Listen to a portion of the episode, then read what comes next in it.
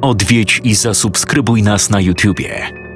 Bądź na bieżąco z nowymi filmami i słuchaj jeszcze więcej mrocznych historii. Mystery TV Więcej niż strach.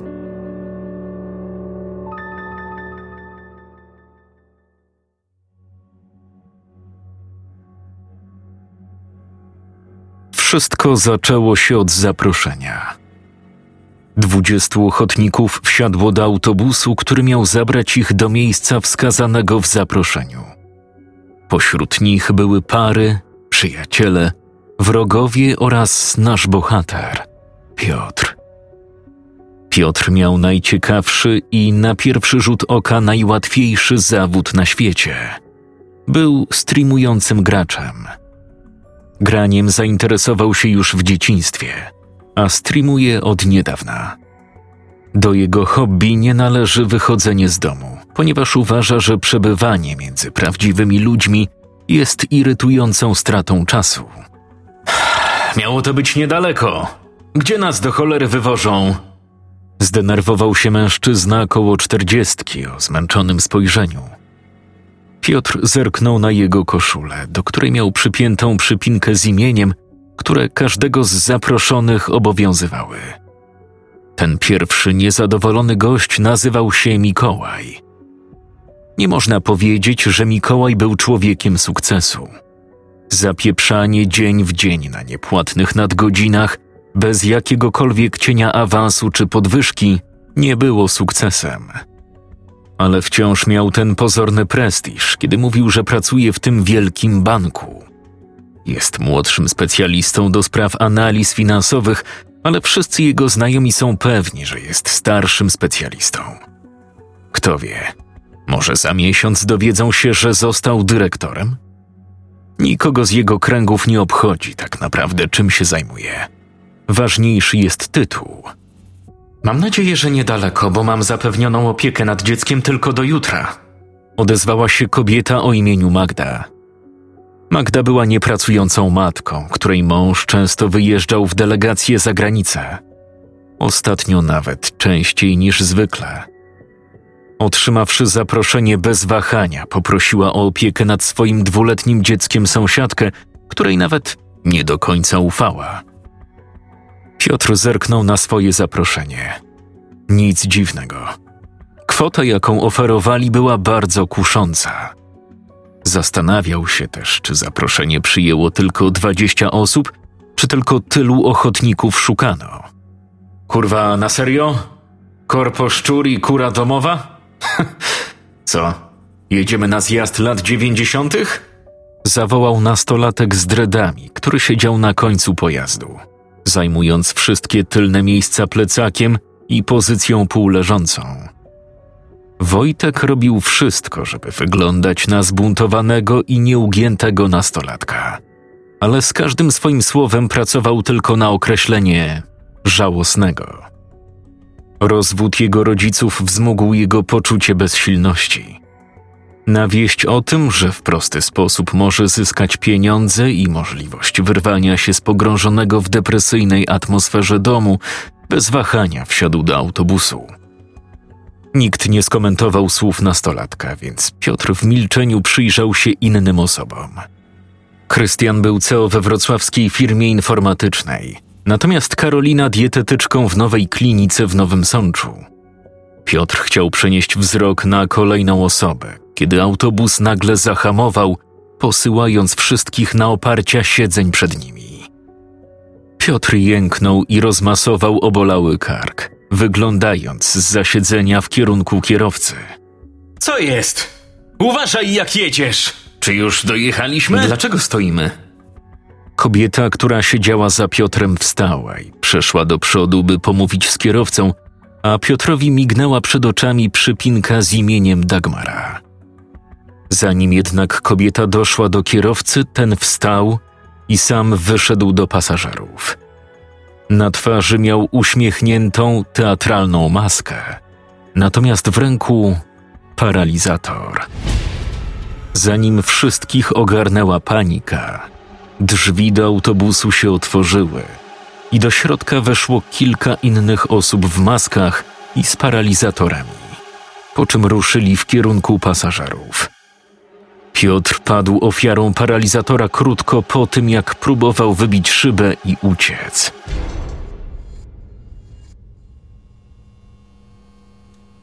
Gdy się obudził i otworzył oczy, musiał je zamknąć z powrotem, ponieważ uderzyło w nie oślepiające światło.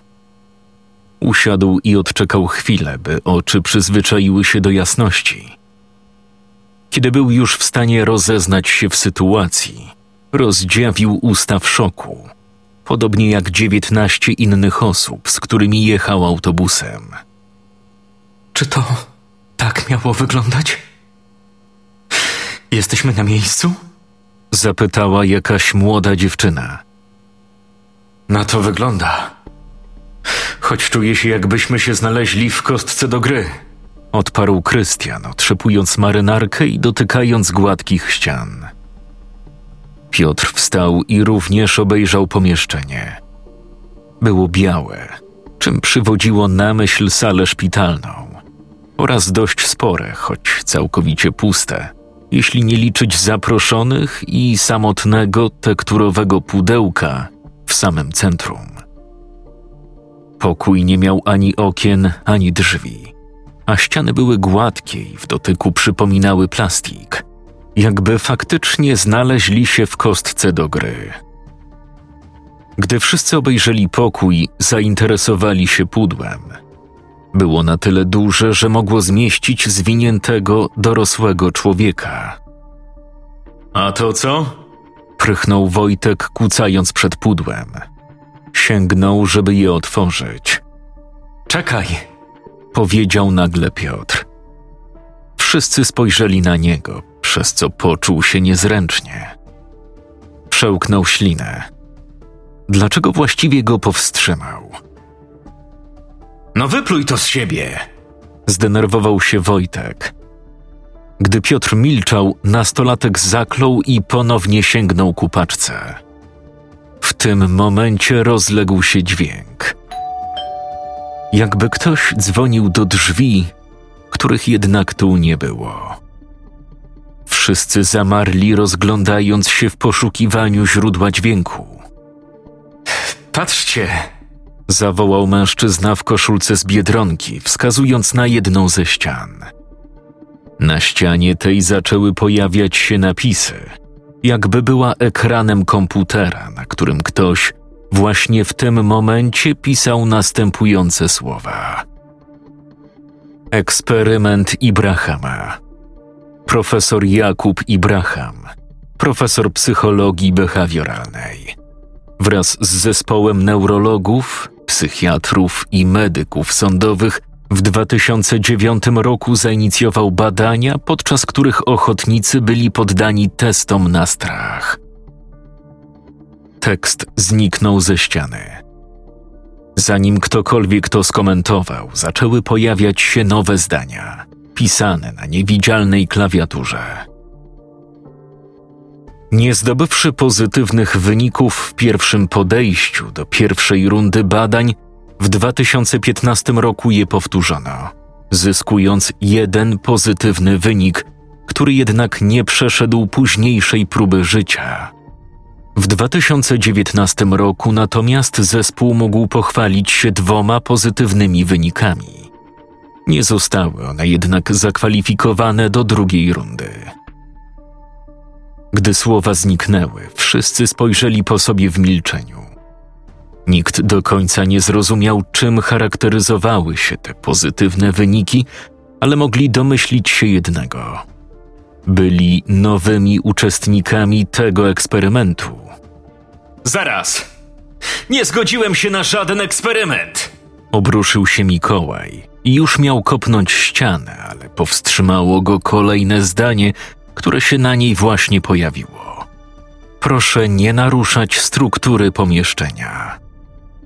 Chwila. To jesteśmy obserwowani? Zawołała Magda z przerażeniem, szukając kamer. Ale jeśli się tu znajdowały, nie były widoczne gołym okiem. Co znaczą te pozytywne wyniki? O jakie badania im chodzi? Myślicie, że będą strzykawki? Zamknijcie się, pieprzycie głupoty! Nie ma żadnego eksperymentu. A skąd to wiesz? Jesteś jednym z nich? Co? nie, niby jak. 2009 rok. Nagle Piotr usłyszał za sobą i wzdrygnął się. To dość niedawno. Odwrócił się i ujrzał mężczyznę, na oko trzydziestoletniego, ubranego w kurtkę, podarte spodnie i podpierającego się kulą.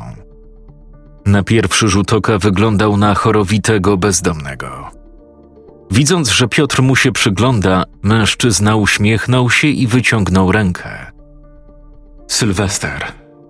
Piotr zawahał się, ale ostatecznie potrząsnął rękę mężczyzny i również się przedstawił. Minęło ponad 10 lat. Dlaczego więc uważasz, że to niedawno? Eksperyment Mały Albert. Lata dwudzieste.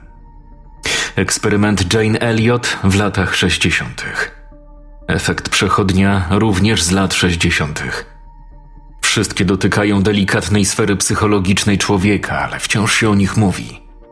Dlaczego? Bo ludzie to chłoną jak gąbka wodę. Większość ważniejszych dla ludzkości eksperymentów została przeprowadzona w XX wieku. Są znane. O tym nikt nie słyszał, mimo że w dobie dzisiejszej technologii nie powinno być trudno to rozpowszechnić. Chcesz powiedzieć, że kłamią i nie bierzemy udziału w żadnym badaniu? Albo coś ukrywają.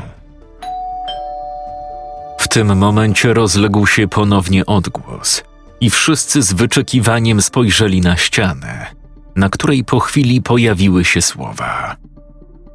Oprze się temu żywiołowi, choć z czasem zmieni kształt. Powstaje z natury, choć nikt go nie szanuje. Nie wymaga siły, ale nie jest dla każdego. Nie są jednym, ale razem tworzą całość. Gdy słowa zniknęły, na ścianie pojawił się zegar odliczając dwie minuty. Pod zegarem było puste okienko, natomiast pod okienkiem klawiatura. Co to znaczy? Po co ten zegar? Boże, czy to bomba? To nie bomba, bałwanie.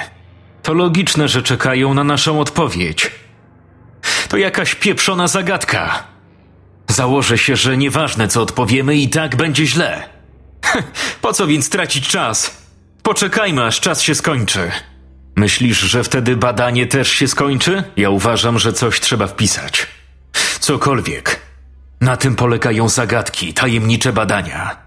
Nic nie jest dosłowne. Wysoki i wysportowany chłopak w dresie klubu sportowego podszedł pewnym krokiem do ściany i zaczął dotykać klawiatury. Wpisał słowo eksperyment psychologiczny i odsunął się, czekając na owoc swojego pomysłu. Nagle cyfry zegara zmieniły kolor na czerwony i zamiast zatrzymać się, odliczanie przyspieszyło i wróciło do normalnego tempa odliczania na 50 sekundach. Odpowiedź sportowca została wymazana i zdawało się, że system oczekiwał kolejnej odpowiedzi. Zła odpowiedź? Warknął sportowiec i uderzył pięścią w ekran, który na chwilę zamazał się, jakby doświadczył jakiegoś uszkodzenia. Po jego akcji zapadła cisza. Wszyscy wstrzymali oddechy, nie wiedząc czego mają się spodziewać. Gdy nic się nie stało, a zegar kontynuował odliczanie. Chłopak parsknął śmiechem i odwrócił się do pozostałych, otwierając usta, by to skomentować. Ale zanim wydobył z siebie jakikolwiek dźwięk, coś ledwo widzialnego przecięło powietrze, znikając we wnęce po drugiej stronie pomieszczenia. Uśmiech nie zszedł z twarzy sportowca, kiedy jego odseparowana od ciała prostą linią głowa upadła tuż przy jego stopach.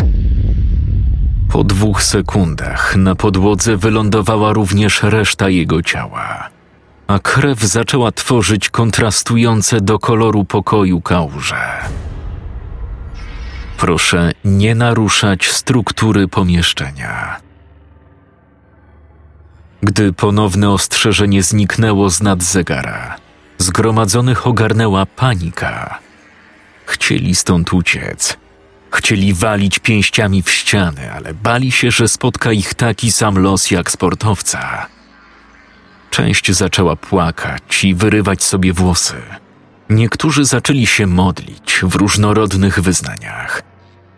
Jednak byli też tacy, co rozsądnie podeszli do sytuacji i zaczęli myśleć nad zagadką. Piotr należał do tej ostatniej grupy, choć zachował swoje rozmyślania dla siebie, przeciwieństwie do innych, którzy na głos zaczęli snuć teorie. Oprze się temu żywiołowi, choć z czasem zmieni kształt. O jaki żywioł mogło chodzić? Mamy ogień, wodę, powietrze i ziemię. To są główne żywioły. W niektórych kulturach był jeszcze metal, ale żywioł w zagadce miał coś kształtować. Metal mógł jedynie zniszczyć. Mało co opiera się ogniowi. Powietrze mogło być opcją, bo przy większej sile mogło ciąć, kształtując coś. Piotr zerknął na zegar. Zostało 31 sekund. Postanowił przejść do kolejnej części zagadki. Powstaje z natury, choć nikt go nie szanuje. Co mogło powstać z natury? Owoce? Ale czy ludzie nie szanują owoców? Bez sensu. W tym momencie wzrok Piotra zatrzymał się na tekturowym pudle, znajdującym się na środku pomieszczenia. Tektura. Czyżby chodziło o papier? To by się zgadzało. Powstaje z natury, czyli z drzew, ale nikt go nie szanuje, bo wiadomo, co się robi z papierem. Poczuł, jak mrówki przechodzą mu po kręgosłupie z podniecenia. Chyba wiedział, o co chodziło. Podszedł do ściany i jeszcze raz przeanalizował całą zagadkę. Widząc jego zachowanie, kilka osób zaniepokoiło się i do niego podeszło. Co ty robisz? Znasz odpowiedź?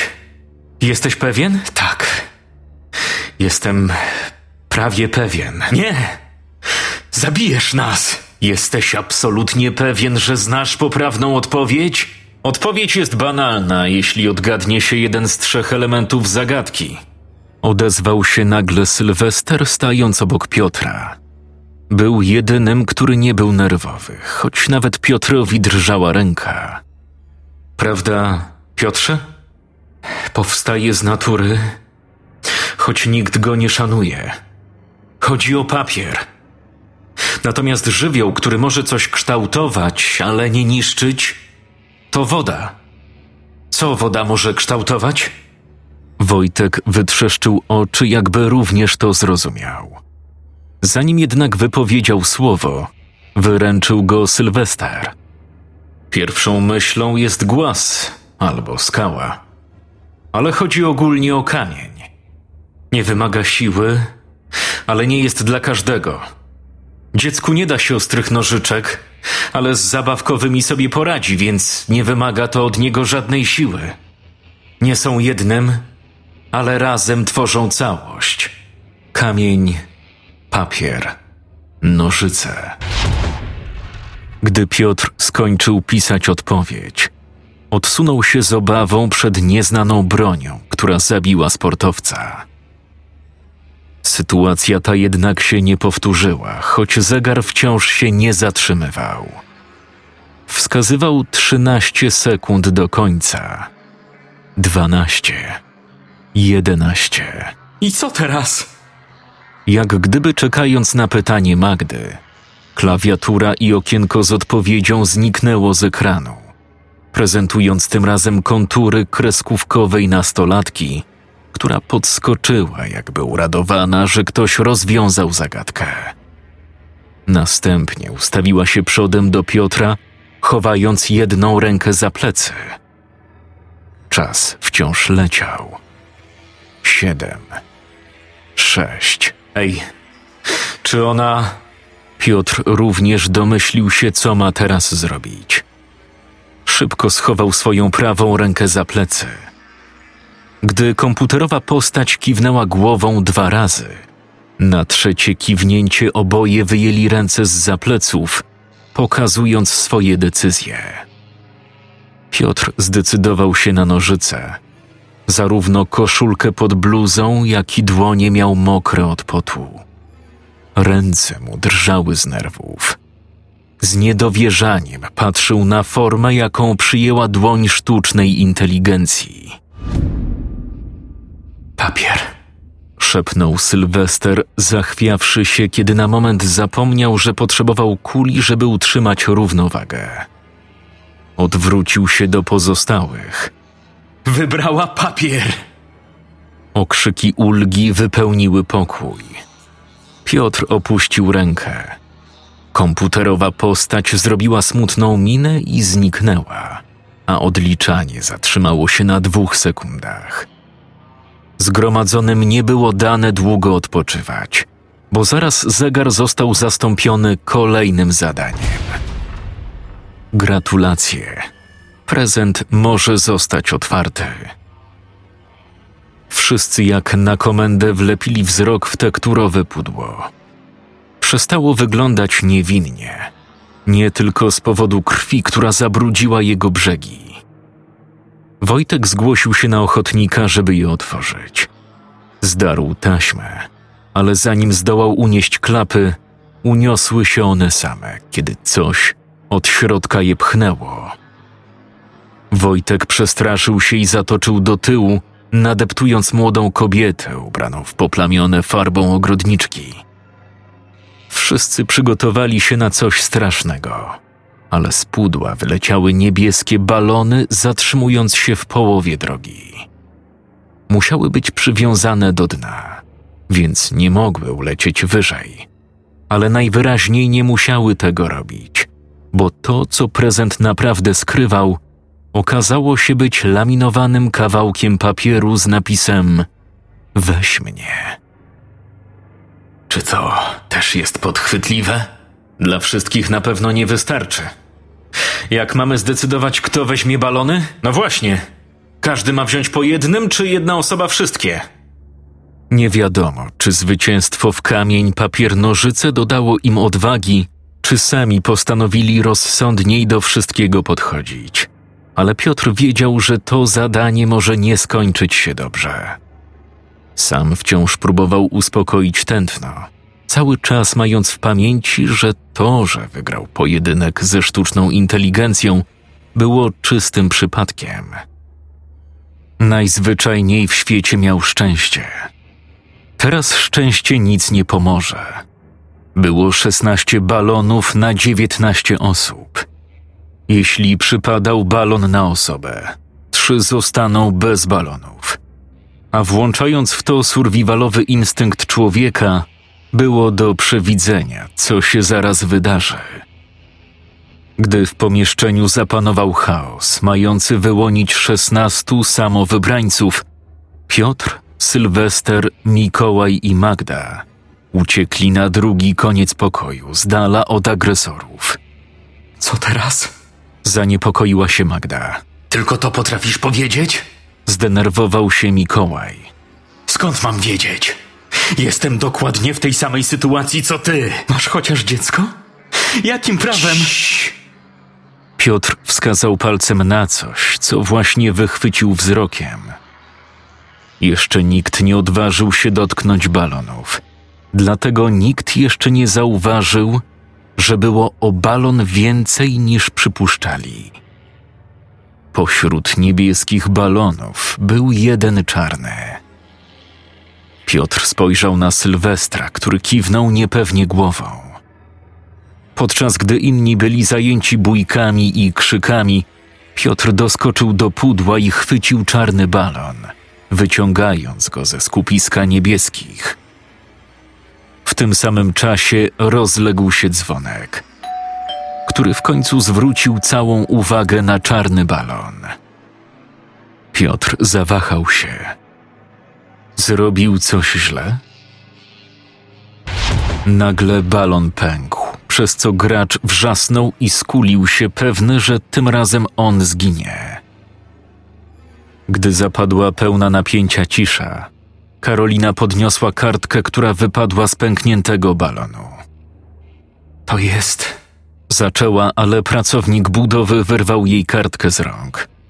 Karolina Szpadel, Piotr Sokołowski, Krystian Wiśniewski, Dagmara Nowak. Co to kurwa jest? Czy ktoś z tej listy jest w tym pokoju? Tak, moje nazwisko tam jest, przyznała Karolina. Nazwisko Piotra też znajdowało się na tej liście. Czy to była czarna lista? Byli następni do odstrzału? Proszę, by wymienione osoby wzięły po balonie i opuściły pokój. Pojawiło się na ścianie i w tym momencie w prawym rogu ściana rozstąpiła się, jakby cały czas były tam ukryte, rozsuwane drzwi. Serce Piotrowi mocniej zabiło. Czyli jednak to była biała, a nie czarna lista? Pierwszy się! Zdenerwował się pracownik budowy i chwycił jeden z niebieskich balonów, zmierzając ku wyjściu, mimo że jego nazwisko nie królowało na liście.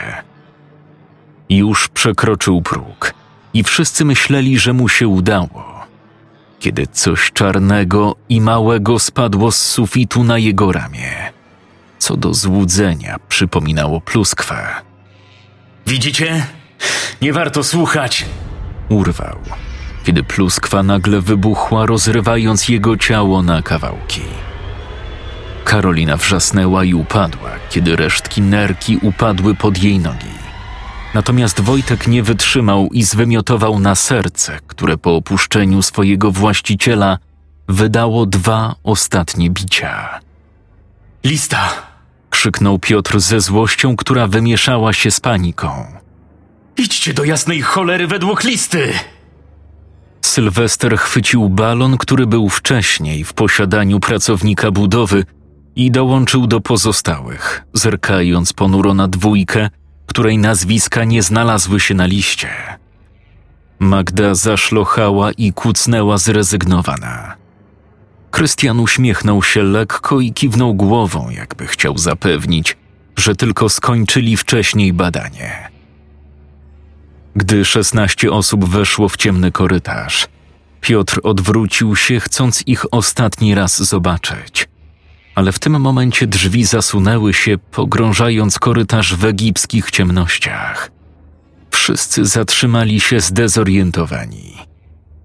Wtem usłyszeli tupot stóp, które przywodziły na myśl armię, a nie biegnącą dwójkę ludzi. Wtedy Krystian krzyknął coś niezrozumiałego, a Magda zaczęła przeraźliwie wrzeszczeć, po czym zapadła grobowa cisza. Boże, co się dzieje tam? szepnął Piotr, wskazując przed siebie. Z jakiegoś powodu znalazł się na przedzie, mimo że pamiętał, że wchodził do korytarza jako ostatni.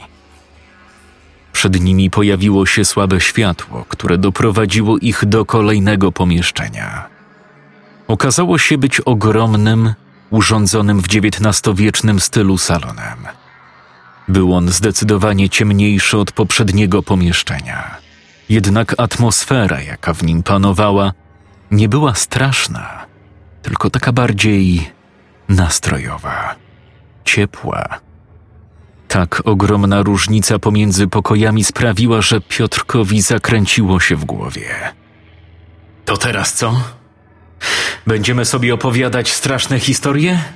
Zadrwił Mikołaj, rozkładając się na kanapie znajdującej się naprzeciwko nieużywanego kominka. Piotr rozluźnił się trochę, widząc, że inni też uznali ten pokój za bezpieczną strefę. Rozejrzał się. Tak jak się spodziewał, tutaj również nie było ani drzwi, ani okien. Zerknął w lewo i o dziwo zobaczył nawet toalety. Natomiast na stoliku przy czarnej kotarze, prostopadle do toalet, był stolik z jedzeniem i piciem.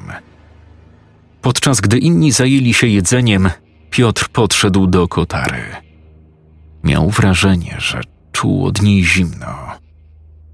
Uniósł ją lekko, po czym wytrzeszczył oczy i całkowicie odsłonił. Jego oczom ukazały się drzwi. Czyli jednak ten pokój był inny. Ha, ale numer, odezwał się Wojtek z pełnymi ustami, zajadając się kanapką. Stanął obok Piotra. Pozostali byli zbyt zajęci swoimi sprawami, żeby przejmować się potencjalną drogą ucieczki. Zdawali się zapomnieć, co wydarzyło się kilka minut wcześniej. Piotr zaniepokoił się tym i zerknął podejrzliwie na jedzenie i napoje. Psst! Usłyszał nagle i spojrzał na pufy w kącie pokoju przy regale z książkami. Sylwester machał do niego, siedząc na pufach razem z dziewczyną w ogrodniczkach. Gdy Piotr podszedł bliżej, dowiedział się, że dziewczyna ma na imię Dagmara. Również, tak jak Piotr, nie potrafili się do końca rozluźnić. Zamknięte, nie? Tak. Żadnej wskazówki, jak je otworzyć, też nie ma. Czy coś jest w tym jedzeniu? Co masz na myśli? Sylwester wepchnął sobie w usta całą drożdżówkę, zanim Piotr zdołał go powstrzymać. Nie jest zatrute, jeśli tego się boisz. Odezwała się Dagmara. To naturalna reakcja na to, co stało się przed chwilą. Ludzie chcą zająć myśli czymś innym, żeby nie popaść w panikę. O, trafiłem na duo ekspertów z psychologii. Dużo czytam, przyznała Dagmara. A ja mam dużo znajomych z psychologii. Zaśmiał się Sylwester. Sam Piotr dużo grał w thrillery psychologiczne czy horrory, ale nigdy nie ciągnęło go do analizy psychologicznej w prawdziwym życiu. Ten pokój bardzo mu przypominał właśnie jeden z takich horrorów psychologicznych, w którym te drzwi mogły albo prowadzić do wyjścia, albo właśnie wręcz przeciwnie. I co teraz? Czekamy na coś? Wątpię, żeby to był koniec. Wówczas już by ktoś do nas przyszedł. Pewnie czeka nas kolejne zadanie. Nie przejmujecie się tym za bardzo. Zginęli ludzie. A czy setki ludzi nie ginie na co dzień? Jeśli to jest faktycznie niezalegalizowany eksperyment, to nie dziwię się, że są i nieudane podmioty. Jak myślisz? Jak inne eksperymenty zostały przekazane do wiedzy publicznej? Na pewno każdy z nich miał jakąś mroczną tajemnicę, której świat nigdy nie poznał. Piotr się na tym nie znał, więc nie mógł ani zaprzeczyć, ani przyznać Sylwestrowi racji. Sam fakt jednak, że po godzinie dalej nic się nie wydarzyło, zaczął niepokoić nawet tych, co wcześniej byczyli się w najlepsze. Czy my mamy coś zrobić z tymi drzwiami? Może mamy znaleźć klucz? Coś jak w escape roomie. Myślę, że powinniśmy poczekać na jakieś instrukcje. Zaprotestował Piotr. Nikt cię nie pytał o zdanie. Raz ci się poszczęściło i co, myślisz, że zostałeś jakimś liderem? Zanim doszło do kolejnej, nic nieznaczącej kłótni, mały telewizor kineskopowy zawieszony nad kominkiem włączył się. Wszyscy wzdrygnęli się na dźwięk szumu, który trwał kilka sekund, po czym na ekranie pojawił się czarno-biały ogródek, pośrodku którego znajdowała się studnia. No kurwa, ja sobie robicie, wypalił Sylwester. Piotr również pomyślał, że w planie było obejrzenie przeklętej kasety wideo z popularnego japońskiego horroru, jednak obraz za chwilę się zmienił. Tym razem przedstawiając postać siedzącą w fotelu. Była zakapturzona i pochylona, przez co nie było widać jej twarzy. Wszyscy z obawą spojrzeli na zużyty fotel w kącie pokoju. Dokładnie ten sam, który był na ekranie telewizora. W pewnym momencie ręce postaci poruszyły się i z kolan uniosła tekturową tablicę z napisem: Czego boisz się najbardziej? Nie podoba mi się to, mruknęła Dagmara. Co jesteś gotów poświęcić? głosiła kolejna tablica. Jakiś kolejny chory test? W grupie rosło napięcie. Ciemność boi się światła. Znajdź swoje światło, a znajdziesz wyjście. W tym momencie postać podniosła się.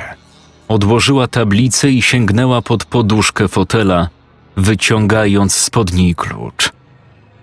Następnie wyszła poza kadr i można było usłyszeć, jak wkłada klucz do zamka, przekręca go i otwiera drzwi.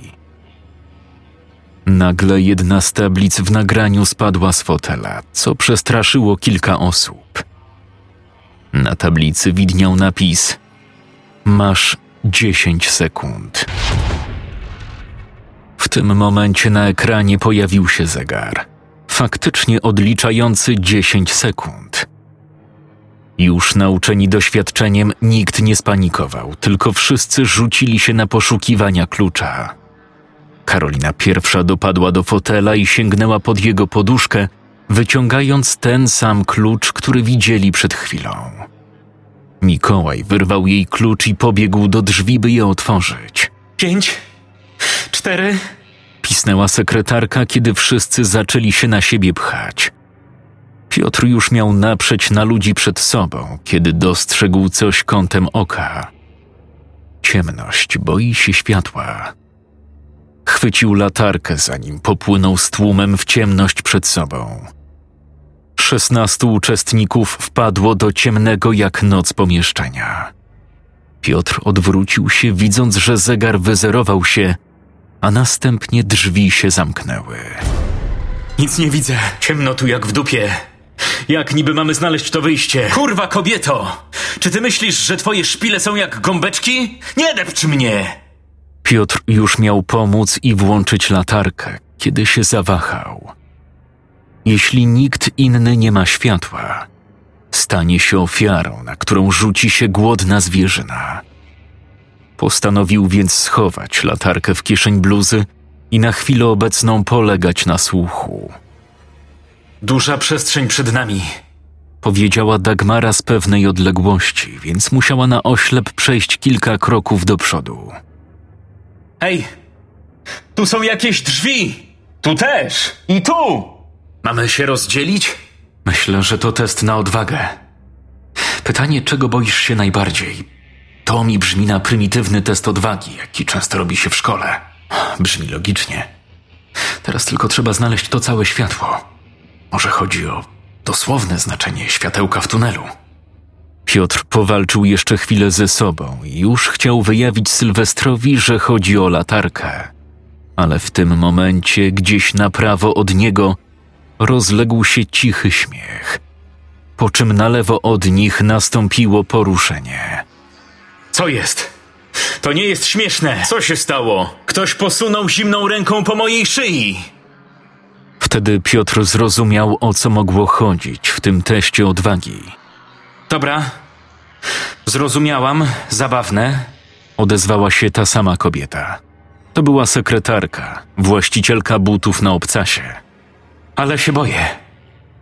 Piotr miał złe przeczucia, więc postanowił włączyć latarkę i skierował światło na kobietę. Ludzie zaczęli się na niego rzucać z obraźliwymi słowami, dlaczego ukrywał, że ma światło, podczas gdy inni błądzili w ciemności.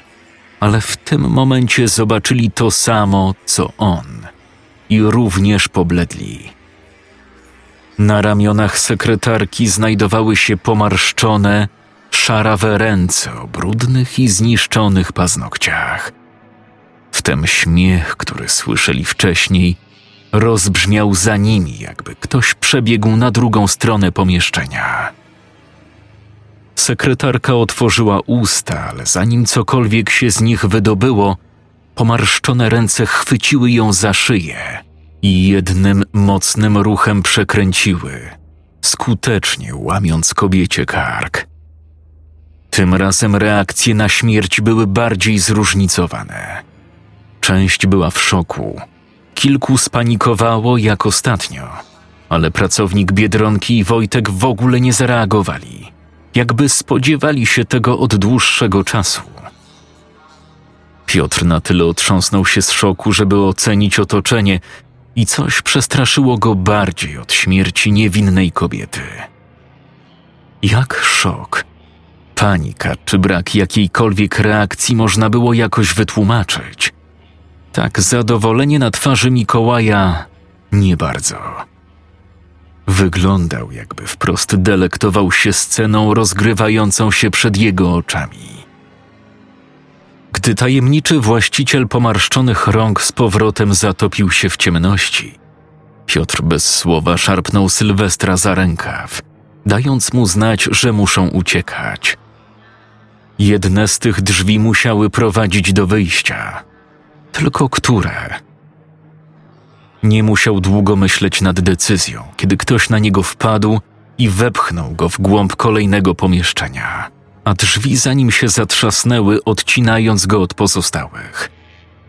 Piotr odetchnął głęboko, próbując się uspokoić, i odwrócił się z obawą, drżącą ręką unosząc latarkę.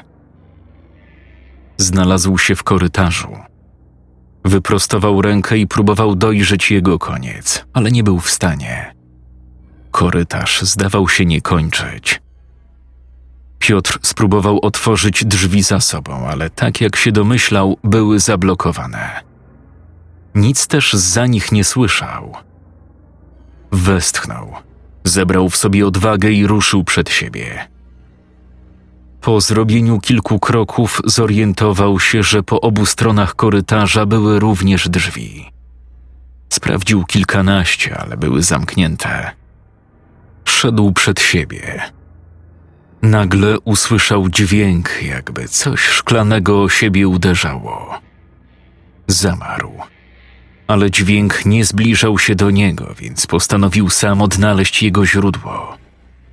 Zwolnił kroku, zatrzymując się przy drzwiach, nad którymi wisiały dzwonki wiatrowe, których szklane elementy delikatnie się o siebie obijały, jakby za tych drzwi wiał wiatr. Piotr faktycznie poczuł zimno i zadrżał, po czym nacisnął klamkę, lecz też były zamknięte.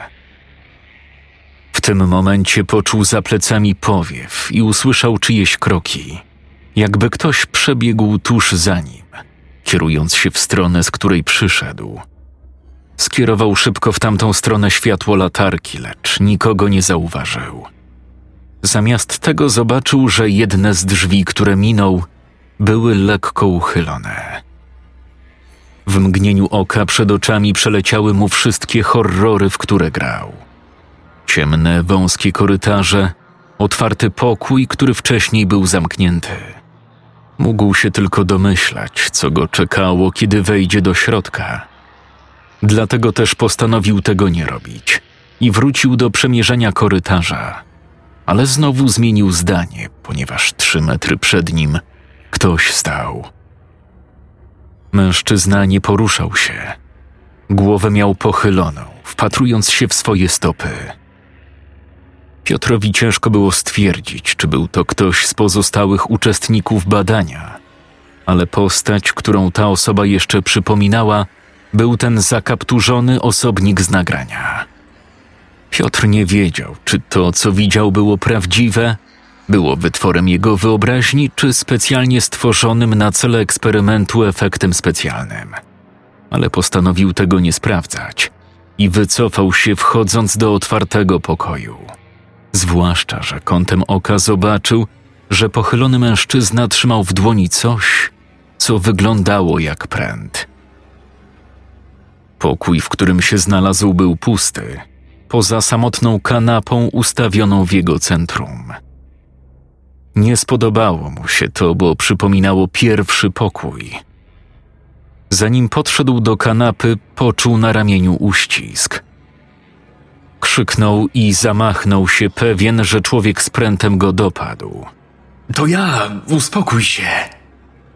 Piotr zrobił krok w tył i oświetlił latarką postać Sylwestra. W tym momencie lampy w pomieszczeniu zostały włączone, a przez pozostałe drzwi, których było tu po trzy na ścianę, zaczęli wchodzić pozostali uczestnicy. Piotr wychwycił wzrokiem pośród nich Dagmarę nie zobaczył natomiast Wojtka, Karoliny i jeszcze kilku innych, których zdążył zapamiętać.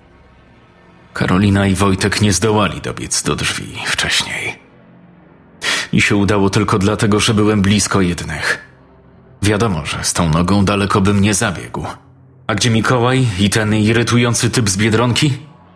Jakby czekając na to pytanie, klapa na suficie otworzyła się i na uchwycie zjechał telewizor, który wcześniej był w salonie z kominkiem. Następnie na ekranie pojawił się obraz, który wyglądał na kadr wycięty z monitoringu. Na tym obrazie, w trybie noktowizyjnym, zobaczyli okropnie powykręcane ciało Mikołaja, którego wywrócone białkami do góry oczy skierowane były w kamerę. Boże.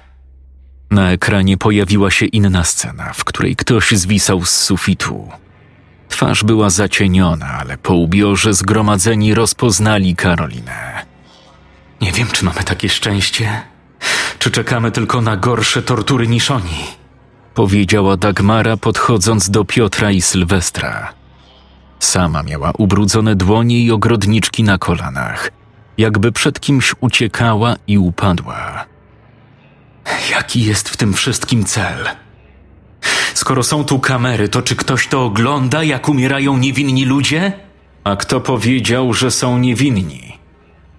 Piotr nie zdołał znaleźć właściciela tego ostatniego zdania, bo w tej właśnie chwili na ekranie telewizora pojawiły się zakłócenia, po czym ponownie zobaczyli zakapturzoną postać siedzącą w fotelu. Trzymała kolejną tekturową tablicę. Widząc jej treść, Piotr poczuł, że to, co przeżyli do tej pory, miało być dopiero początkiem. Pośród was jest zdrajca. Złap go, zanim on złapie ciebie.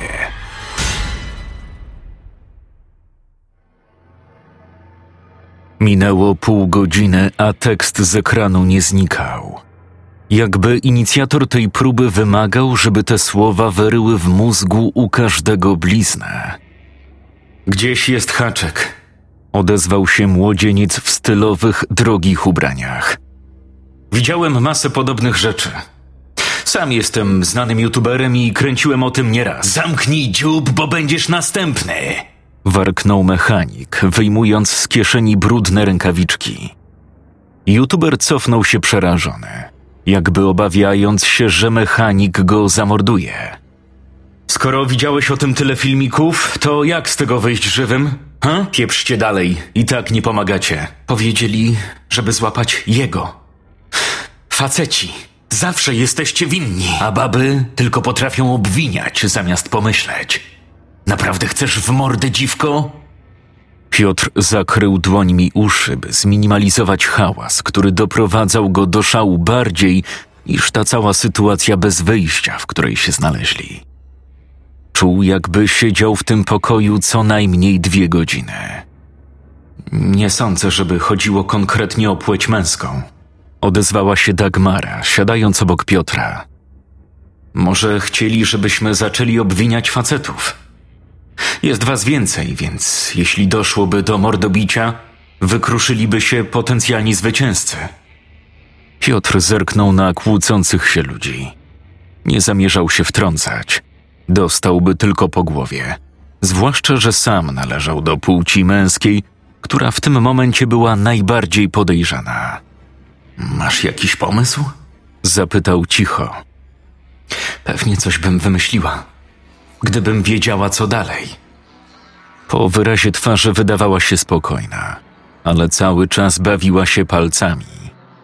Piotr uznał, że musiał to być jej tik nerwowy. Nie wiem, na co oni czekają. Aż naprawdę się pozabijamy?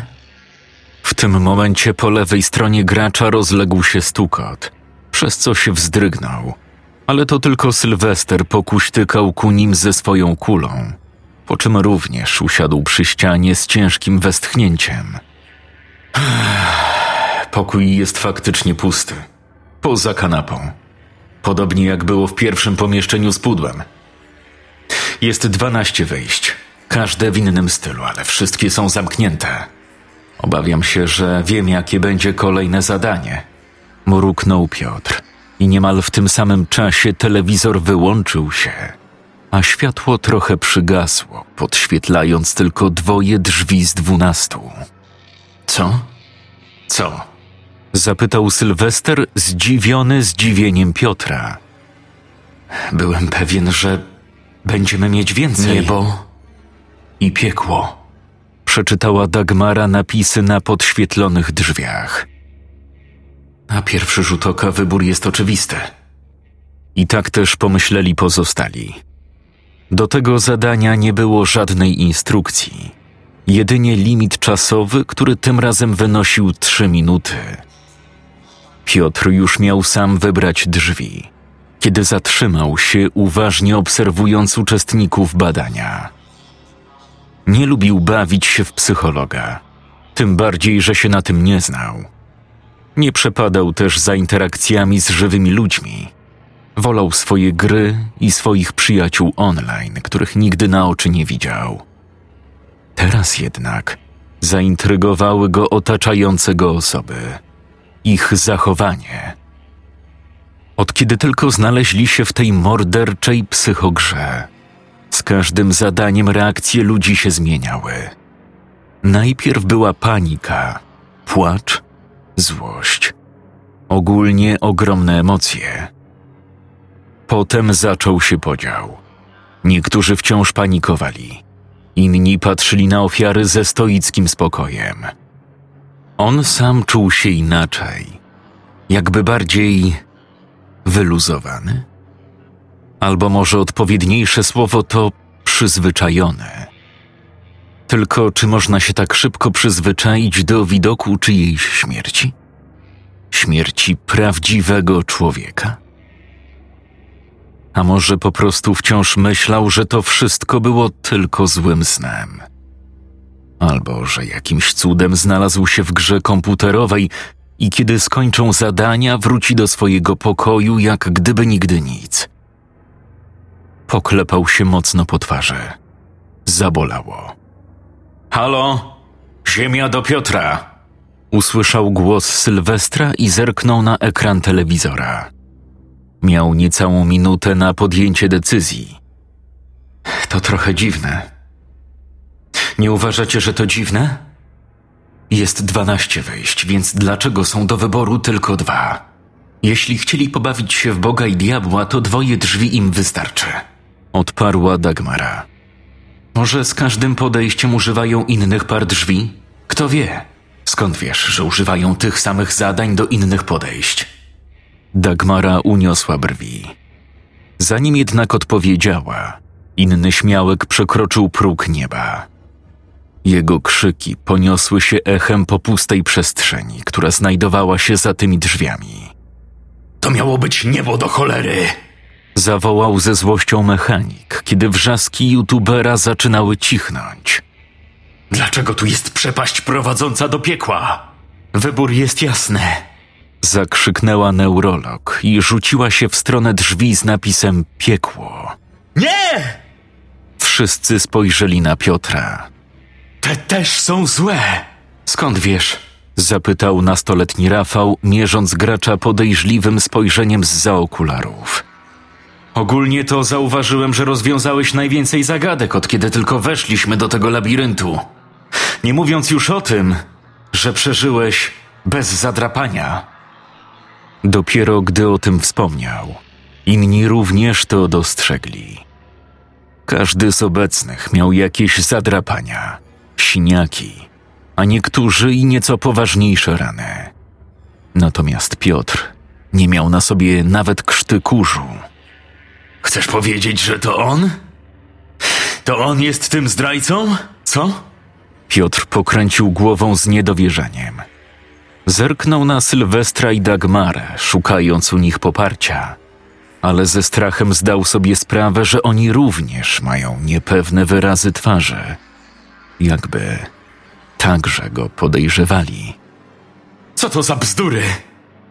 Podejrzewacie mnie tylko dlatego, że udało mi się przeżyć? Wy też tu jesteście! Też przeżyliście! Coś mi tu śmierdziało od samego początku. Odezwała się dziewczyna w workowatych ciuchach i czapce z daszkiem. Miała na imię Agata. Systemu nie da się oszukać. A wygrał w kamień papier nożyce z automatem. To niemożliwe, żeby to zrobił, nie wiedząc z góry, co wybierze komputer. To niedorzeczne. Nie mamy teraz na to czasu. Niebo i piekło jest złym wyborem. Zamknij się. Nie słuchajcie go. Chodźmy. Czy to dla was nie dziwne, że tylko dwoje drzwi jest do wyboru spośród dwunastu? Dagmara i piosenkarka Tatiana, które stały najbliżej, cofnęły się zaskoczone wybuchem Piotra. Pomyślcie! Powinien być większy wybór albo. Powinien? Powiedział za dużo. Jakim wytłumaczy, że powinien? Bo w grach tak jest. Jeśli jest wybór między dwiema rzeczami, zazwyczaj są tylko te dwie rzeczy do wyboru. Jak jest ich dziesięć, wybór jest spośród dziesięciu. To przecież logiczne. Ale czy to na pewno test na logikę? Pięć sekund. Może chodzi o dosłowne znaczenie światełka w tunelu? Nie idź w stronę światła. Dwie sekundy. Piotr rzucił się w stronę najbliższych, nieoświetlonych drzwi. Poczuł, jakby ktoś próbował złapać go za bluzę, ale za późno. Gdy przekroczył próg, nie spadł w otchłań, ale poczuł, że ktoś nakłada mu worek na głowę i pozbawia go przytomności.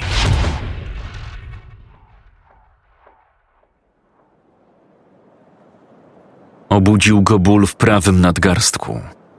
Otworzył oczy i jęknął siadając. Zanim do końca oprzytomniał, zdołał za pomocą zmysłu węchu i dotyku rozpoznać, gdzie się znalazł. Był na zewnątrz. W końcu udało mu się uciec z tego przeklętego, zabójczego budynku. Już nabrał powietrza, żeby krzyknąć z radości, kiedy zorientował się, że pomimo otwarcia oczu wciąż słabo widzi. Przestraszył się, że miał uszkodzony wzrok, ale to tylko worek, który wciąż miał na głowie. Zdjął go i zamrugał oślepiony naturalnym światłem. Następnie wytrzeszczył oczy i podniósł się, rozglądając ogłupiały. Opuścił budynek. To było pewne. Tylko, że wciąż nie wiedział, gdzie był. Znajdował się w opustoszałej uliczce jakiegoś osiedla. Po pozostałych uczestnikach badań nie było śladu, tak jak i mieszkańcach. Nie rozpoznawał tej uliczki. To na pewno nie był Krasnobród. Musiało to być jakieś większe miasto, w którym na pewno nigdy nie był. Wtedy dopadła go myśl. Jaka jest w takim razie szansa, że nie wywieźli ich za granicę? Przeszedł kilka kroków. Ku kontenerowi na śmieci wygrzebał kilka opakowań po produktach. Polskie, więc możliwe, że wciąż byli gdzieś w Polsce. Co to? mruknął Piotr, w tym momencie zauważając coś na swoim prawym nadgarstku. Był to zegarek. Wyglądał na zwykły czarny smartwatch. Miał jednak w sobie dwie niepokojące rzeczy: niedziałający wyświetlacz i igłę wychodzącą z paska i wbitą w wewnętrzną stronę nadgarstka gracza. To ten ból go obudził. Zanim spróbował wyrwać igłę, zegarek wydał dźwięk i włączył się. Na jego ekranie natomiast pojawiły się słowa. Piotr poczuł się po prostu źle. To wcale nie był koniec. Gratulacje.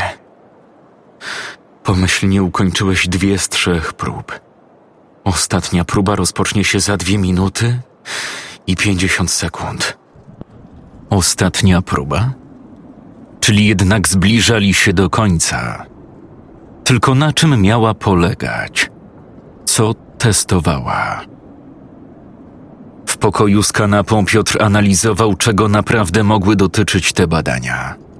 Wiadomo, że chodziło o coś w zakresie psychologii. Pierwszy pokój miał zagadki. Można powiedzieć zatem, że był to test na myślenie. Drugie pomieszczenie było dość dziwne, takie nierealne. Ale tu na pewno chodziło o test na odwagę.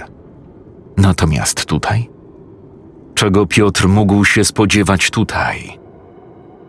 Odpowiedzi zaczęły pojawiać się stopniowo. Na zegarku pojawiło się zero, a następnie czas zresetował się do dwóch godzin. Sekundy nie zaczęły jednak płynąć, więc Piotr zastanowił się, czy to kolejny limit, czy po prostu wybiła druga godzina. Po chwili nad wierszem z czasem znowu pojawił się tekst, a razem z nim uśmiechnięta, pikselowa emotka. Zabawa wchowanego. Zasady gry. Punkt pierwszy limit czasowy 120 minut. Punkt drugi schowaj się przed radością do końca limitu czasowego albo znajdź mu smutek do pary. Punkt trzeci. Możesz używać w mieście wszystkiego, czego chcesz i możesz przebywać gdzie chcesz. Punkt czwarty. Odnalezienie smutku i oddanie go radości zagwarantuje ci strefę bezpieczeństwa do końca gry. Punkt piąty. Przestrzeganie zasad gry i uniknięcie dyskwalifikacji również zapewni ci pomyślnie ukończoną próbę. Dyskwalifikacja. 1. Próba ściągnięcia zegarka. 2. Tętno powyżej 180. 3. Złapanie przez radość. Pieprzenie! Warknął Piotr i pomimo ostrzeżeń chciał zdjąć zegarek. Ale wtedy usłyszał czyjeś kroki i hałas, jakby ktoś przewrócił się o metalowe śmietniki. Zerknął w stronę głównej ulicy, przy której ktoś faktycznie siedział na ziemi. Piotr rozpoznał Rafała, tego nastolatka, który oskarżył go o zdradę. Wydawał się być on czymś naprawdę przerażony. Krzyczał coś w kierunku, z którego przybiegł i zaciskał lewą rękę na prawym nadgarstku. Piotr zmrużył oczy i dostrzegł, że nastolatek miał taki sam zegarek jak on. I właśnie ten zegarek Rafał próbował zerwać z ręki. Ostatecznie mu się to udało, i w tym momencie Piotr zrozumiał, dlaczego ściągnięcie zegarka wiązało się z dyskwalifikacją. Ręka Rafała wybuchła, jakby była w niej ukryta minibomba. Siła wybuchu była na tyle duża, że rozerwało mu całą prawą stronę ciała i niezaprzeczalnie zginął na miejscu. Piotr błyskawicznie puścił swój nadgarstek. Serce zaczęło mu walić jak szalone, przez co przypomniał sobie o drugim powodzie dyskwalifikacji. Czy gra już się zaczęła? Zacisnął powieki i starał się uspokoić. Tylko skąd będzie wiedział, jakie ma tętno?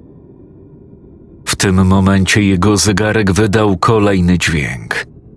Zegar wskazywał już jedną godzinę, 59 minut i 55 sekund.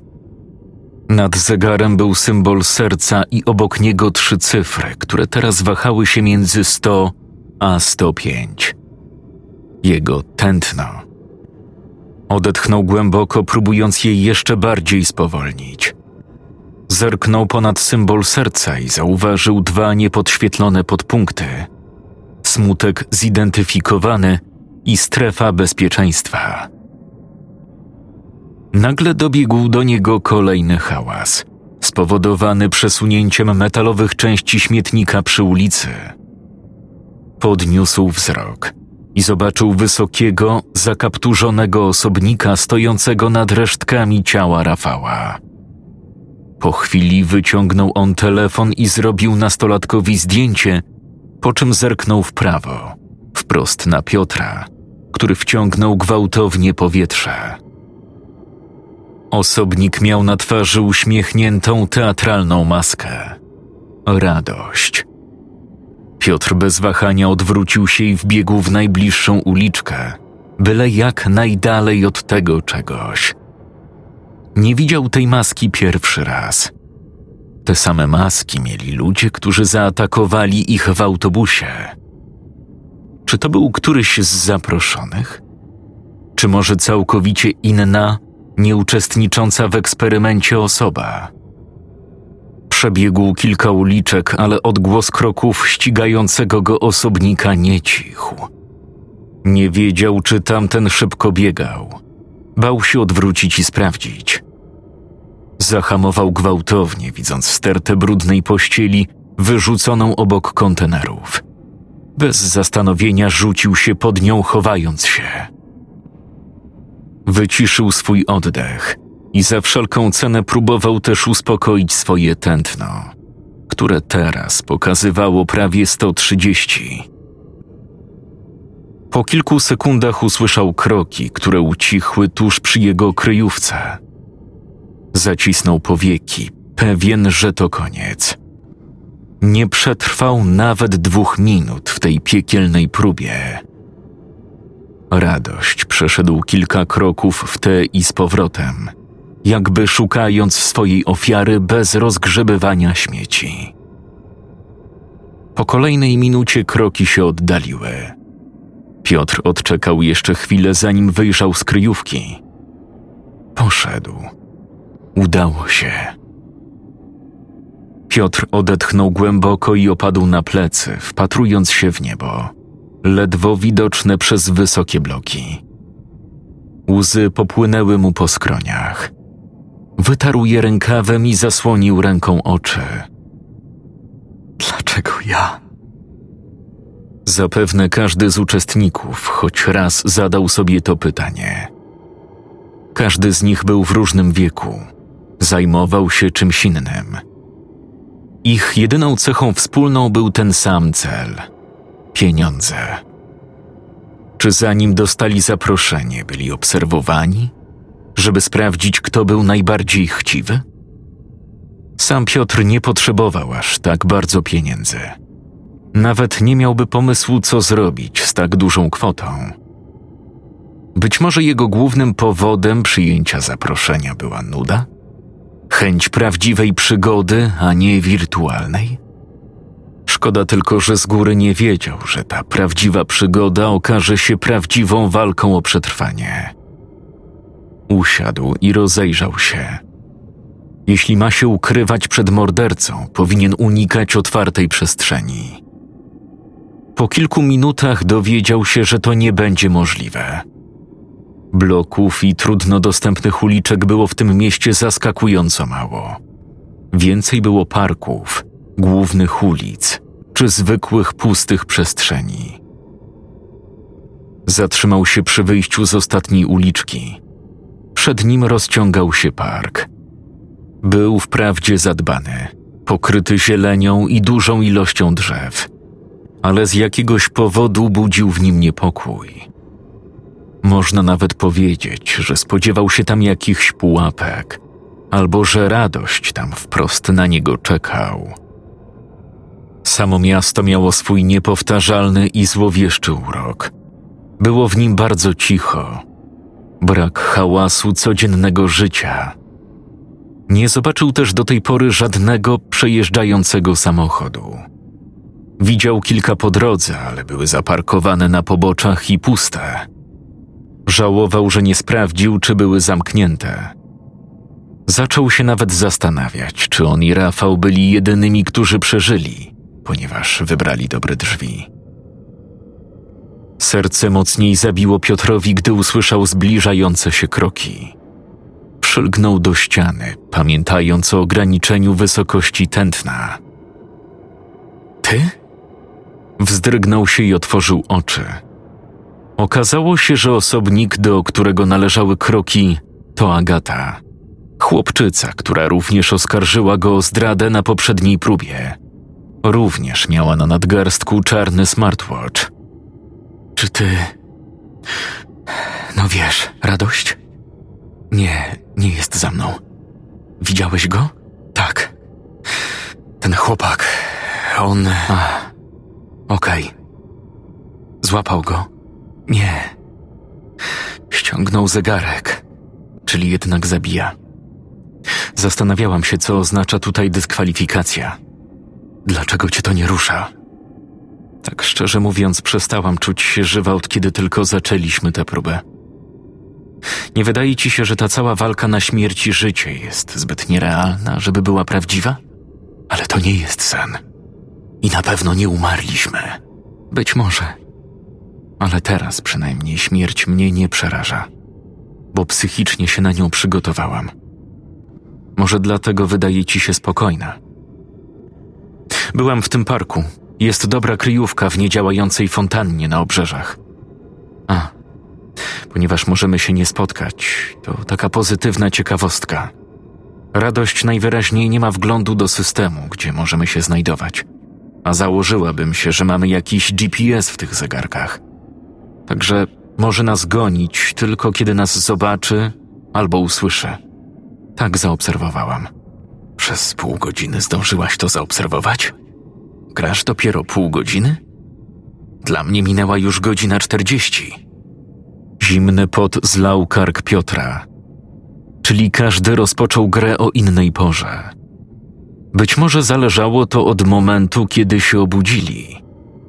Pozazdrościł jej, bo zostało jej niewiele czasu do zakończenia próby. Zanim zdołał zapytać ją o Dagmarę i Sylwestra, ruszyła w dalszą drogę, zapewne w poszukiwaniu kolejnej kryjówki. Mimo wszystko Piotr odczuł lekką ulgę. Jeżeli jej teoria odnośnie braku ich lokalizacji u radości była prawdziwa, oznaczało to, że musiał zdać się na intuicję, słuchać i unikać każdego, kto mógł się okazać tym mordercą. To też miałoby sens. Nie byłoby zabawy wchowanego, jeśli szukający z góry znałby położenie ofiar. Piotr wyjrzał ostrożnie na główną ulicę. Gdy nie zauważył nic ani nikogo podejrzanego, ruszył w drogę tuż przy ścianach budynków. Nie wierzył, że w parku będzie bezpieczniej, dlatego postanowił spróbować swojego szczęścia w innej części miasta.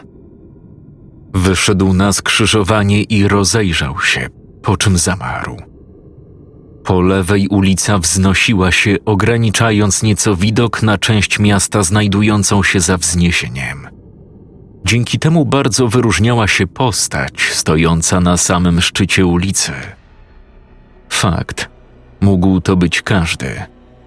Jednak czarny dres, kaptur narzucony na głowę przedmiot w ręku osobnika mógł prowadzić tylko do jednej konkluzji radość. Radość też chyba zauważył Piotra, bo ruszył w dół ulicy biegiem.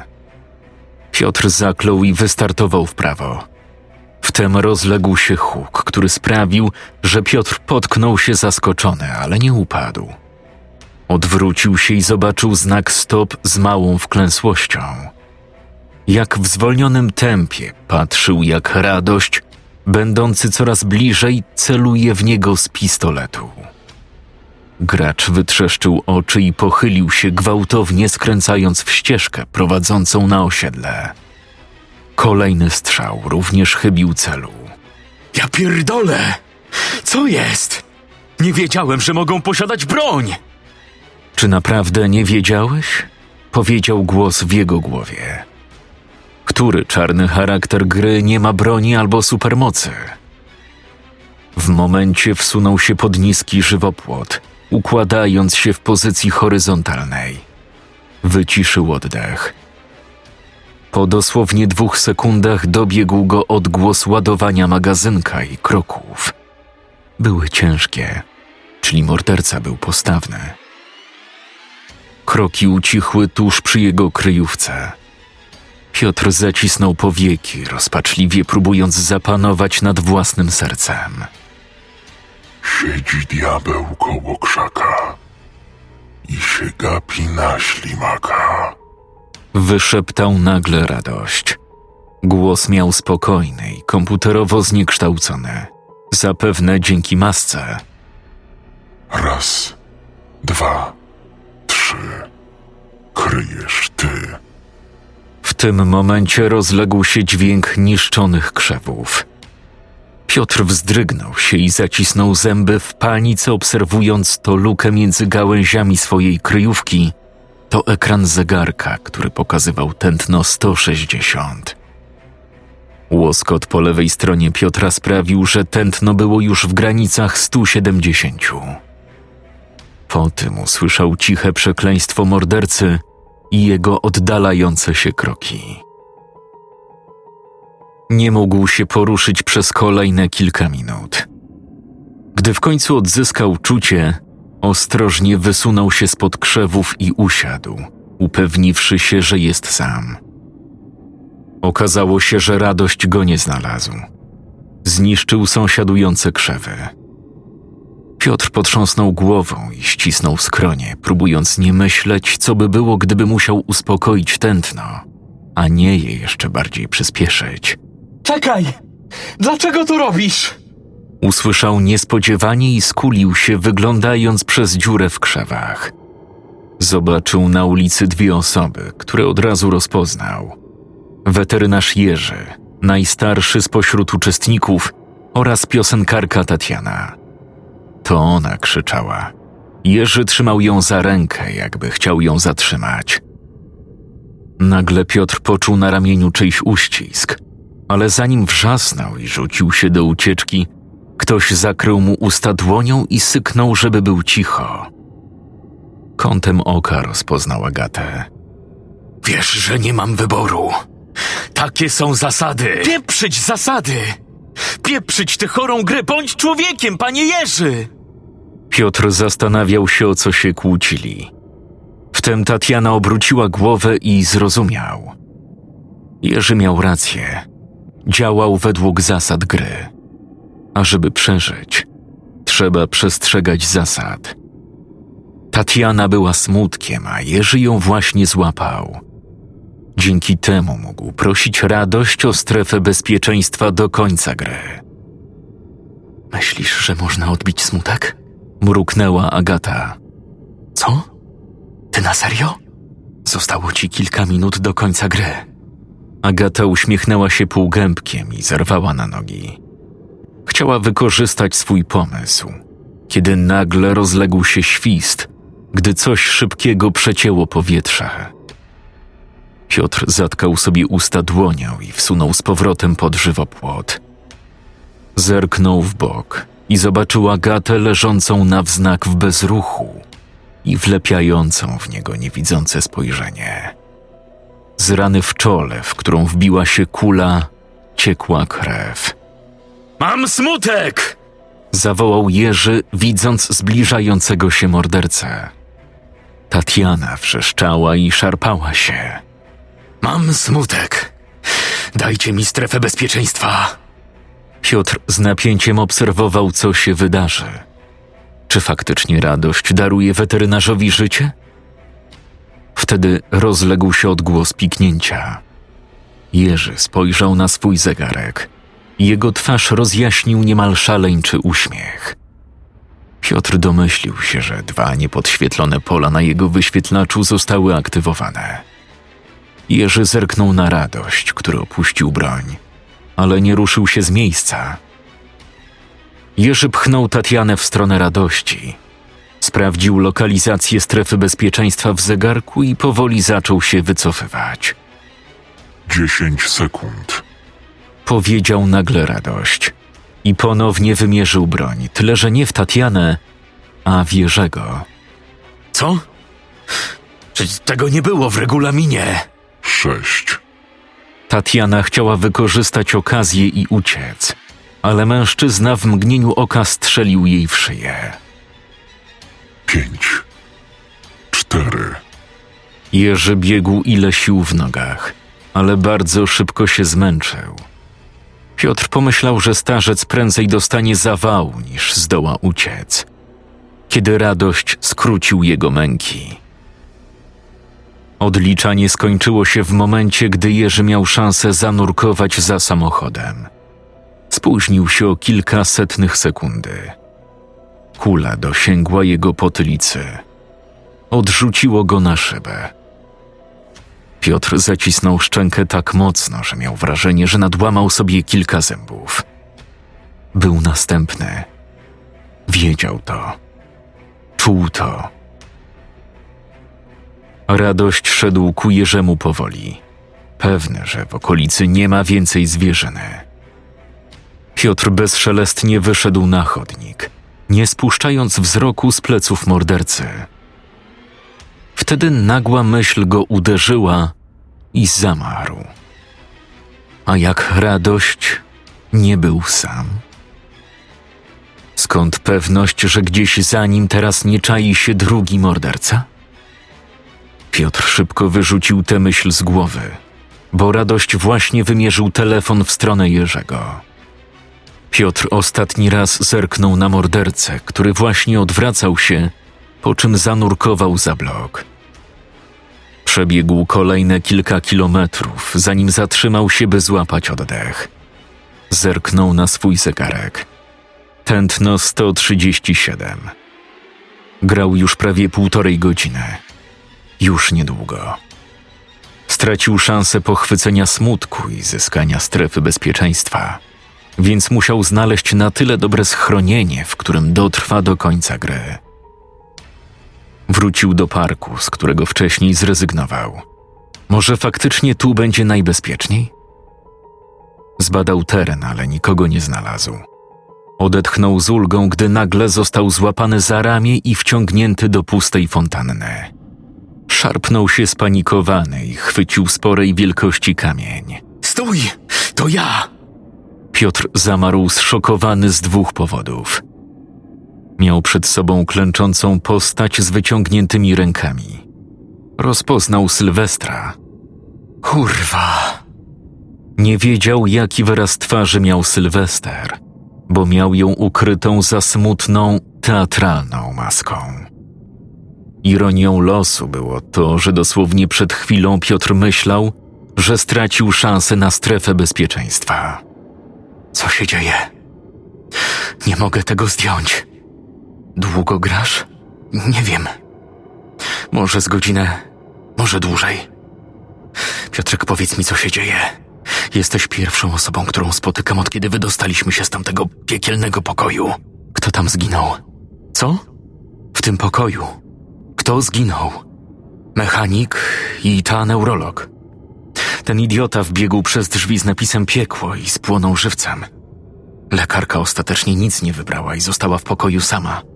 Zanim mnie ogłuszono, usłyszałem strzelaninę. Pewnie została rozstrzelana. Piotr szybko przeliczył w myślach. Odejmując ostatnie trzy trupy, zostało ich w grze czworo. On, Sylwester, Dagmara i karateka, który wsiadł do autobusu prosto po treningu. A może tylko ich dwójka została? Jakby w odpowiedzi na jego pytanie dobiegł ich hałas z pomiędzy drzew. Wychylili się z za fontanny i zobaczyli karatekę. Ubranie miał podarte i pokryte krwią. Ledwo trzymał się na nogach. Piotr z zaskoczeniem zrozumiał, że walczył on wręcz z radością, który był pozbawiony broni. Sylwester szturchnął Piotra i wskazał na coś nieopodal mordercy. Był to jego pistolet. Piotr wiedział, co Sylwester planował. Zacisnął dłonie w pięści. Przepraszam. Za co? szepnął Sylwester, zatrzymując się w pół kroku. Piotr bez słowa wypchnął Sylwestra za fontanny. Nie posiadając swojej kuli i z nie do końca pełnosprawną nogą, mężczyzna miał małe szanse na ucieczkę. Piotr stanął nad Sylwestrem i gwizdnął. Radość zamarł. Podniósł głowę i skierował wzrok na dwójkę przy fontannie. Co ty robisz? Mam smutek! Strefa bezpieczeństwa i to już! Radość przyglądał się Piotrowi chwilę, po czym skręcił kark jęczącemu karatece. Zebrał swoją broń i zaczął zmierzać w kierunku fontanny. Piotr kopnął zszokowanego Sylwestra w stronę napastnika i gorączkowo patrzył to na uśmiechniętą maskę, to na zegarek. W tym momencie rozległo się piknięcie. Piotr poczuł ciarki, widząc podświetlone smutek zidentyfikowany i strefa bezpieczeństwa. Rozejrzał się szybko, wyszukując potencjalnej drogi ucieczki. Tam, W 10 sekund powinien zdążyć schować się w szkole. Nagle usłyszał cichy śmiech i odwrócił się z powrotem do radości, który trzymał za kark Sylwestra. Pięć sekund. Piotr stracił sekundę na opanowanie swojego ciała, kiedy to odmówiło mu posłuszeństwa ze strachu. Rzucił się w stronę szkoły. Czy zdoła opuścić park i zasięg strzału? Gdy doliczył do jednego w głowie, padł na ziemię i posunął po asfalcie, jednocześnie słysząc odgłos wystrzału i kroki biegnącej radości. Wytrzeszczył oczy, widząc przed sobą szansę. Kopnął półotwarty włas i wskoczył do kanalizacji. Upewniwszy się, że radość go już nie goni, zatrzymał się, by złapać oddech i uspokoić tętno. Po czym spojrzał na zegarek i kliknął w strefę bezpieczeństwa. Na wyświetlaczu pokazała się mapa. Pośród żółtych linii, które oznaczały budynki i ulice, które się nad nimi znajdowały, była czerwona, przyblakła kropka. Musiała oznaczać jego pozycję. Nieco dalej zobaczył żółtą. Przeszedł kilka kroków i znalazł się na niej. Jednak nie znalazł nic, co mogłoby potwierdzić, że znalazł się we właściwym miejscu. Czy to była ta strefa bezpieczeństwa? A może była na górze. Jego kropka była przyblakła. Mogło to być dlatego, że znajdował się pod ziemią. Bał się wrócić tą samą drogą, więc ruszył przed siebie w poszukiwaniu innego wyjścia. Znalazł je kilka minut później. Gdy wyszedł na powierzchnię, potwierdził swoją teorię, kiedy jego kropka zrobiła się intensywnie czerwona. Ruszył biegiem w stronę swojej bezpiecznej strefy, którą okazała się budka dróżnika przejazdowego. Na drzwiach miała naklejoną żółtą emotkę, którą znał z prezentacji gry. Zanim jednak dotarł do budynku, usłyszał znajomy krzyk i spojrzał w prawo. Ku niemu biegła Dagmara.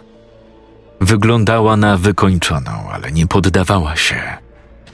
Pomachała do Piotra i zawołała coś, ale nie zrozumiał słów. Najpewniej prosiła go o pomoc. Piotr otworzył usta, by ją przeprosić, kiedy nagle z stacji benzynowej, która znajdowała się koło torów, wychynęły ręce i chwyciły Dagmarę, porywając za budynek. Piotr wiedział, że to radość, więc szybko wbiegł do budki dróżnika przejazdowego. Budynek był pusty, brudny i miał tylko parter. Piotr zamknął się i zabarykadował drzwi, po czym usiadł przy ścianie i spojrzał na zegarek. Dwanaście minut do końca. Tylko dwanaście. Odetchnął głęboko i odchylił głowę do tyłu. Coś jednak wbijało mu się w nerkę. Przeszukał bluzę i zorientował się, że cały czas miał przy sobie latarkę z drugiej próby. W pomieszczeniu nie było całkowicie ciemno, więc postanowił jej nie włączać. Może się jeszcze przydać.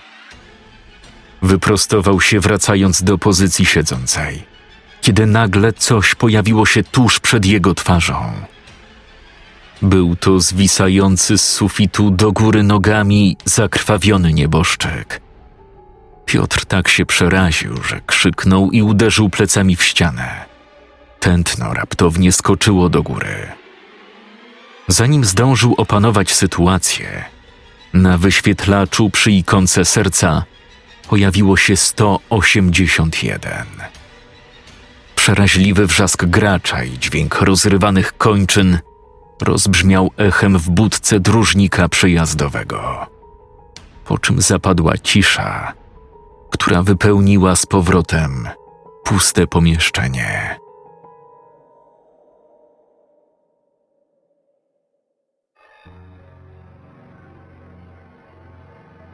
Projekt 32. Liczba uczestników 50. Ocalałych 0. Projekt 33. Liczba uczestników 45. Ocalałych 1.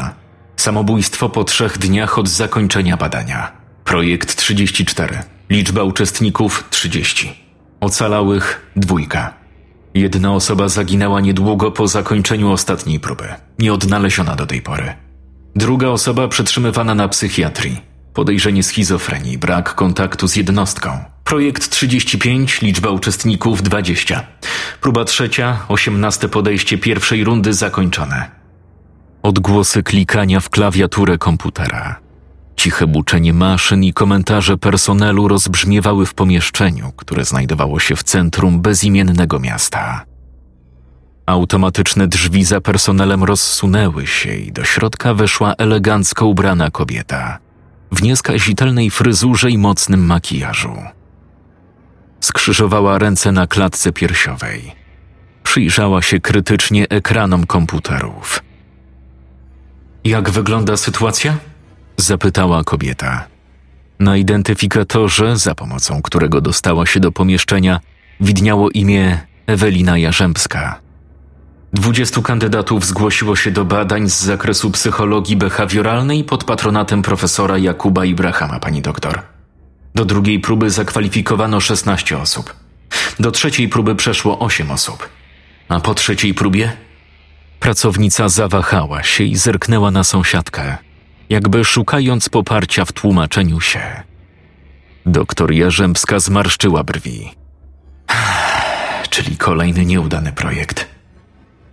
Założyłam, że jak zmniejszymy liczbę uczestników, efekt będzie lepszy, bazując na rezultatach poprzednich podejść. Nie powiedziałbym, że aż tak nieudany. Rozległ się głos od strony drzwi i do pomieszczenia ktoś wszedł. Właściciel kurtki i kuli ortopedycznej zdjął smutną maskę teatralną i uśmiechnął się do doktor Jarzębskiej, która jednak nie podzieliła jego nastroju. Daj sobie spokój z aktorzeniem, Krasoń. Pamiętaj, że jesteś tu tylko dzięki mnie. Sylwester Krasoń odrzucił kulę i rozprostował się, poruszając chorą nogą.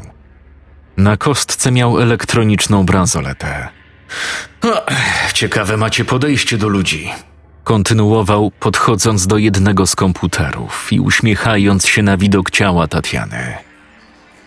wow, te to dopiero pocięło. Doktor Jarzębska wywróciła oczami i poprosiła o kolejną analizę, tym razem zachowania uczestników. Po pierwszych dwóch próbach wyeliminowano dziewięć osób, czego tylko dziesięć od początku wykazało jakąkolwiek reakcję na czyjąś śmierć lub zranienie. Kolejne sześć nie wykazało żadnej reakcji, a kolejnym czterem sprawiło to przyjemność.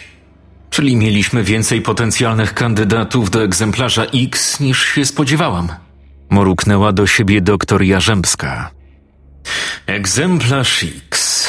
Wyhodowany przez was psychopata, co? Aż mi przykro, że ja nie zostałem wzięty pod uwagę. Daruj sobie. Dobrze wiesz, dlaczego to robimy. A, tak. Heroiczna walka z psychopatami w niedalekiej przyszłości. Szukacie techniki zapobiegania powstawaniu takich indywiduów. Tylko nie wiem, jak nazwać wasze badania, pani doktor. Zmarłych też wskrzeszacie? Strach jest jednym z czynników, dzięki któremu możemy rozpoznać w człowieku zalążek psychopatii. Psychopata nie zawsze jest mordercą, jak ty, Krasoń, ale zawsze będzie inaczej reagował na śmierć, otoczenie, ludzi i przede wszystkim strach u niego będzie mniejszy. Zostałeś wybrany jako pomoc w tym projekcie, bo mieliśmy nadzieję, że jeśli jeden z obiecujących uczestników zdobędzie na początku poparcie innej ofiary, wskaźnik przeżycia i rozwoju psychopatii się zwiększy. Najwyraźniej się myliłam. Tak, to był faktycznie obiecujący przypadek. Nałogowy gracz komputerowy. Kiepskie kontakty z prawdziwymi ludźmi, oderwany od rzeczywistości. Niestety, okazało się, że miał więcej empatii niż taki mechanik czy malarka. Doktor Jarzębska prychnęła i miała wrócić do swoich obowiązków, kiedy odezwał się jeden z pracowników. Pani doktor, potwierdzam, że nie mamy w systemie nikogo, kto miałby być powiązany z malarstwem. Co powiedziałeś? Doktor podeszła do niego i spojrzała na monitor. Pracownik pokazał jej dane wszystkich uczestników. Była sekretarka, neurolog czy nauczycielka, ale żadna z kobiet biorących udział w eksperymencie nie była malarką i nie była w żaden sposób powiązana z tą dziedziną sztuki. Doktor Jarzębska zmieszała się i chwyciła swój telefon, wystukując numer jednego ze swoich zaufanych kontaktów. Sylwester z kolei uśmiechnął się jeszcze szerzej i potarł brodę. A to niespodzianka. Stos ciał znajdujących się w dziurze w ulicy za stacją benzynową był tak duży i różnorodny, że na pierwszy rzut oka wyglądał na kopiec brudnych ubrań. Nagle jedno z ciał uniosło się do pozycji siedzącej. Rozejrzało się, po czym odgarnęło włosy z twarzy i sprawnie wyskoczyło na powierzchnię. Dagmara Nowak wzięła głęboki wdech, a następnie wydech, rozkoszując się ciszą i powietrzem zmieszanym z zapachem krwi niezamieszkanego miasta. Uśmiechnęła się i otworzyła oczy, po czym wróciła nad dziurę. Pomachała trupom i powiedziała: Było naprawdę zabawnie. Ciao.